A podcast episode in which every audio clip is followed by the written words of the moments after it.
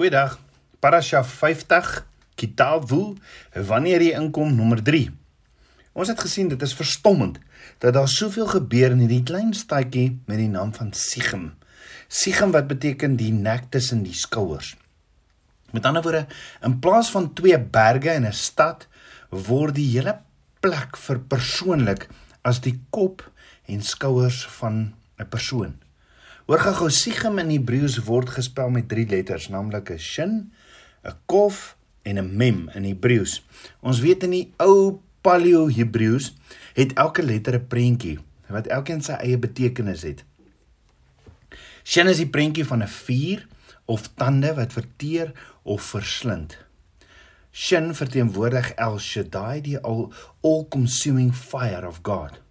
Dit was hierdie hierdie selfde skynsel wat soos 'n gesplete vuurtong lyk wat op die dag van Pinkster of Shavuot oor die koppe van die disippels gekom het. Dit verteenwoordig ook die oorspronklike vuur van Abba Vader wat oor die tabernakel in die woestyn in die nag gesweef het en wat nou in die nuwe tempel van die Heilige Gees woon. Die kof, die kof is die prentjie van 'n oop hand wat effens gebuig was asof iemand sy hand op die agterkant van iemand se kop plaas om hulle te salf op die voorkant. Die letter kof het die betekenis van salwing gedra. Die letter mem is 'n prentjie van 'n sterk suiwerende water of 'n of 'n deurbraak soos by 'n kind wat uit die moederskoot gebore word en in 'n nuwe lewe uitgebreek word. Met ander woorde, mem verteenwoordig die sterk reinigingswater van die woord. Nou as jy hierdie drie letters in 'n prentjie formaat saamplaas, kry jy die vuur van 'n Vader aan die een kant, voorgestel deur die letter Shin en dit word verteenwoordig deur berg Ebal. Jy het die water van die woord aan die ander kant verteenwoordig deur die Mem wat deur berg Gerazim verteenwoordig word. En wat is daar in die middel oor? Niemand anders as die gesalfde een uit die hand van Jahweh nie. Met ander woorde die prentjie leer ons met die vuur van die gees met die water van die waarheid sal jy altyd 'n salwing op jou hoof dra. Gees en waarheid gee vir my salwing. Hoor gou weer wat sê Moses vir Joshua. Hy moet ses stamme op die een skouer van die gesalfde laat staan op berg Ebal en ses stamme aan die ander skouer van die gesalfde berg Gerazim en dan hoor gehou dan gee Abba Vader hierdie volgende instruksie in Eksodus 28 vers 9 tot 12 Abba se woord is net amazing want hoor gehou hierso. Vat twee onyxstene en graweer die name van die seuns van Israel volgens ouderdom daarop 6 op die een en 6 op die ander. Jy moet 'n bekwame vakman wat graweerwerk op sielringe kan doen aansê om die name van die seuns van Israel op die twee stene te graweer en monteer dit in goud. Werk die twee stene vas op die skouerbande van die skouerkleed dat die stene kan herinner aan die stamme van Israel. Net so sal Aaron hulle name op sy twee skouers dra voor my Jahweh om my aan hulle te herinner. Kan jy hierdie koneksie of verband sien?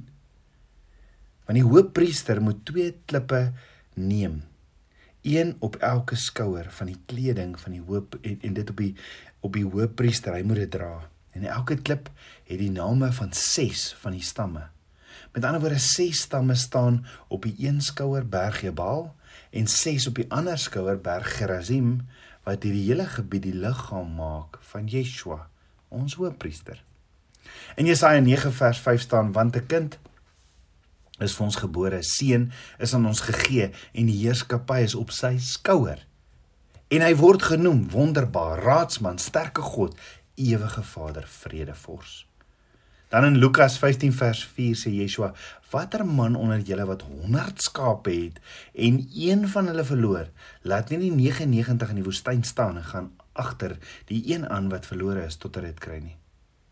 As een van ons dwaal, gaan die goeie herder ons vind en bring ons weer terug op sy skouers. Die skouers van gees en waarheid. As alles gesê en gedoen is, is die stad Sichem 'n amazing pragtige prentjie van die hele verbond van Yeshua, ons koning en Messias. Die berge is sy skouers. Hy is die gesalfde hoof tussen hulle en ons is die nek en die liggaam wat intiem met hom verbind moet wees. Hy dra ons op sy skouers solank ons in verbond met hom bly. En daar's 'n kragtige salwing vir almal wat hom aanbid in waarheid en in gees. Dit was alles aanwysings van Yeshua, ons hoëpriester. Maar hoor gou, gaan lees jy Johannes 4, dan sien jy Yeshua het Judea verlaat en was weer na Galilea toe op pad. Maar op pad soontoe kom hy by hierdie Samaritaanse stad van Samaria wat Sigar genoem word.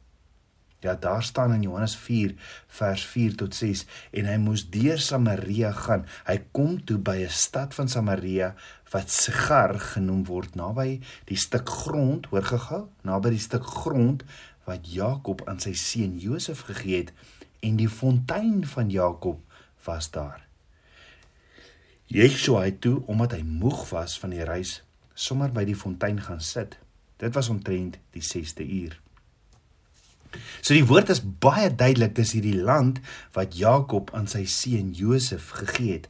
En daar doen jy gaan doen jy 'n dieper studie, dan sien jy Sigar in Hebreëus is Sichem. En wat beteken Sichem nou weer? Dis die gedeelte tussen jou skeiers, skouers by jou nek, hier by jou skof, iets wat gedra word op op 'n gesalfde se skouers. En die woord sê Yeshua kom toe by hierdie fontein of put van Jakob uit.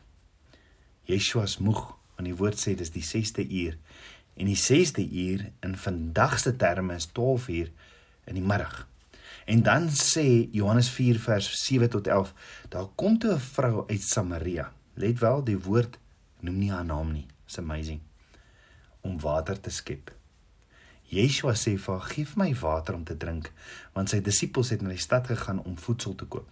En die Samaritaanse vrou sê vir hom: "Hoe is dit dat u wat 'n Jood is, van my vra om te drink terwyl ek 'n Samaritaanse vrou is, want die Jode hou geen gemeenskap met Samaritane nie. Lees jy hierdie amazing gedeelte met die agtergrond van Berg Ebal en Berg Gerazim en wat die naam Sichem beteken, dan is dit asof Yeshua ontmoeting beplan het met die vrou. Want wat ons wel weet is dat hierdie vrou kom met 'n plek van alleenheid en verskriklike verskriklike baie skuldgevoelens en seer. Ja, sy stikken, sy is al deur 5 huwelike in haar lewe en sy kom alleen put toe. Ons het vroeër in die jaar ons het al daaroor gepraat. 'n Put is gewoonlik buite 'n dorp of 'n stad. En dit was hierdie plek waar vroue aan die einde van 'n dag bymekaar gekom het en dan het hulle so bietjie tyd gehad om op te vang oor die nuus van die dag in die stad. Sekerlik so bietjie geskinder daar, behalwe as jy die een was wat beskinder was. Dan het jy nie tussen 5 en 6 as al die vrouens wat skinder so intoe gekom nie. Is dit hoekom hierdie Samaritaanse vrou dalk 12 uur by toe kom? Want sy het nie so 'n groot reputasie gehad nie. Sy was dalk net die onderwerp van bespreking en dalk het Yeshua dit net geweet want hy weet alles. Hy's die Alfa, die Omega. Hy's die Alef en die Taf. Hy hy, het geweet om haar daar te ontmoet. Tabernakels kind van Abba. Dalk voel jy vandag so verwerp. Yeshua weet. Jy sien hierdie vrou kom eerder 12 uur put toe om water te skep en sonder dat sy weet, het sy ontmoeting met 'n Joodse rabbi Yeshua op hierdie einste plek. Met ander woorde, sonder dat sy weet, kom sy na die toppunt van verwerping toe gestap. Want haar toppunt van verwerping is 'n Joodse rabbi. Vandag nog in Israel, as 'n vrou verby 'n Joodse rabbi gaan, dan maak sy haar gesig toe. So hierdie Samaritaanse vrou loop om weg te kom van verwerping en sy loop in hierdie toppunt van verwerping in of sy het so vir 'n oomblik gedink. En dan kom hierdie Joodse rabbi en hy sê vir haar: "Geef my water om te drink." Nou, hierdie was totaal al buitengewoon vir die vrou. Maar dalk moet ons vandag besef hoe spesiaal hierdie ontmoeting met hierdie vrou, hierdie vrou wat Yeshua, hierdie ontmoeting wat Yeshua met hierdie vrou gehad het ook vir my en jou. Hoe spesiaal dit is. Kan jy dink hoe hierdie vrou se gesig gelyk toe hierdie Joodse rabbi dit vir haar vra? Dit moes haar geskok het en miskien het het sy dadelik gereageer. "Ekskuus. Het jy met my gepraat?" Want onthou, 'n Joodse rabbi het nie met 'n Samaritaanse vrou gepraat nie.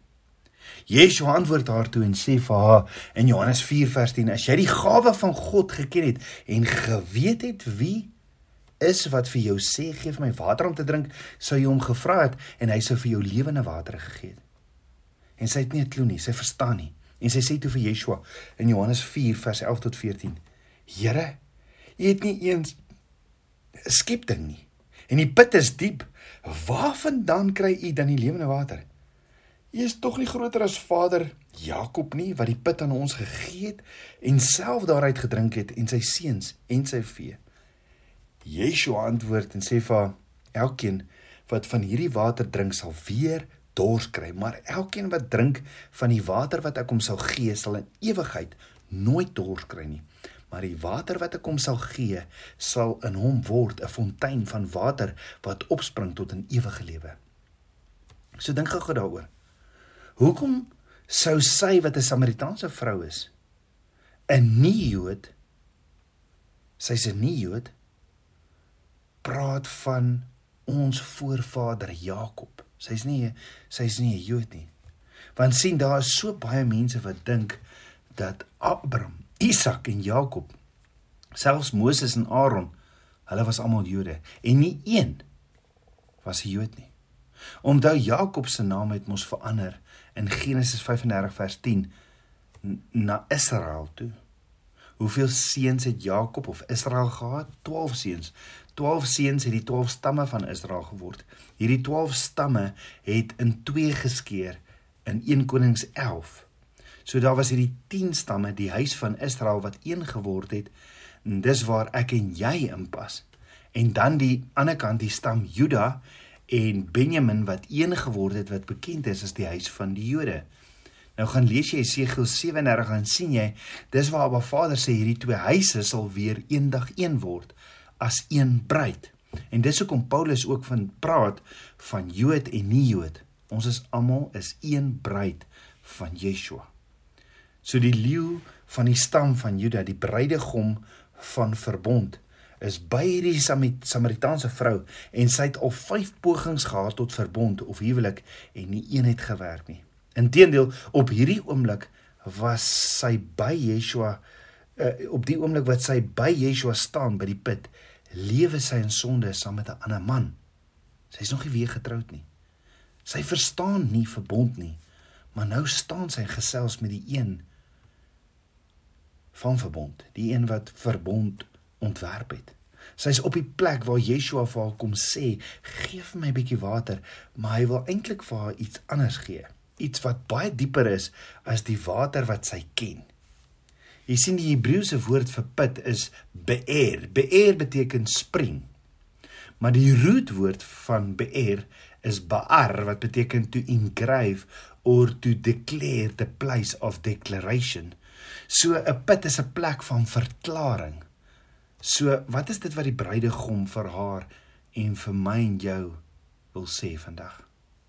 Daar's iets wat Yeshua ons hoëpriester, ons bruidegom wil verklaar. Die vraag is, hoe dors is jy om lewende water te ontvang? Of kan jy ook nie verstaan hoe Yeshua water gaan kry sonder 'n skepting nie? Hoor gou, dit is nou meer as ooit tyd dat die bruid die waarheid soek en die woord van God. Miskien is jy al so lank op soek na hierdie lewende water en jy besef nie hierdie lewende water is Abba Vader se woord van waarheid nie. Nou ons weet Yeshua self is die woord want Johannes 1:1 staan in die begin was die woord en die woord was by God en die woord was God. En dan sê 1 Johannes 14 en die woord het vlees geword en onder ons gewoon.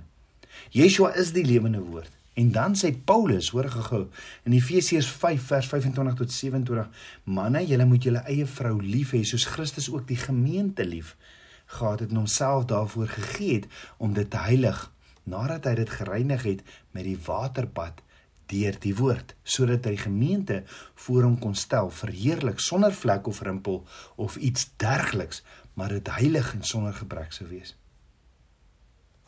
Met ander woorde, hoe sal die bruid skoon gemaak word? Die woord sê vir ons deur die reiniging met die waterbad van die woord. En daar is net hierdie soeke wat vir elkeen van ons om daar dat Abba Vader ons sal kom reinig met die waterbad van sy woord. Mag ons hierdie bruid wees sonder vlek of rimpel en dat ons heilig sal wees wat beteken afgesonder sonder gebrek reg vir ons bruidegom. Ons gaan verder môre gesels oor hierdie ontmoeting met Yeshua en hierdie Samaritaanse vrou op hierdie plekkie Sichem. Kom ons bid saam. Ons almagtige Vader, Papa God, dankie vir u woord. Abba Vader, u is 'n awesome, awesome God en ons eer u, Abba. Ons loof u en ons prys u. Vader, kom was ons met die waterbad van u woord. Vader, ek wil u bruid wees, vlekkeloos sonder enige rimpel. Kom leef u droom deur my, Vader. En die bruid, want die bruid in die gees roep uit, kom Yeshua, kom. Geef ons daardie lewende water. Ek bid dit alles in Yeshua Messie se naam, die seun van Jahweh. Amen. Shalom.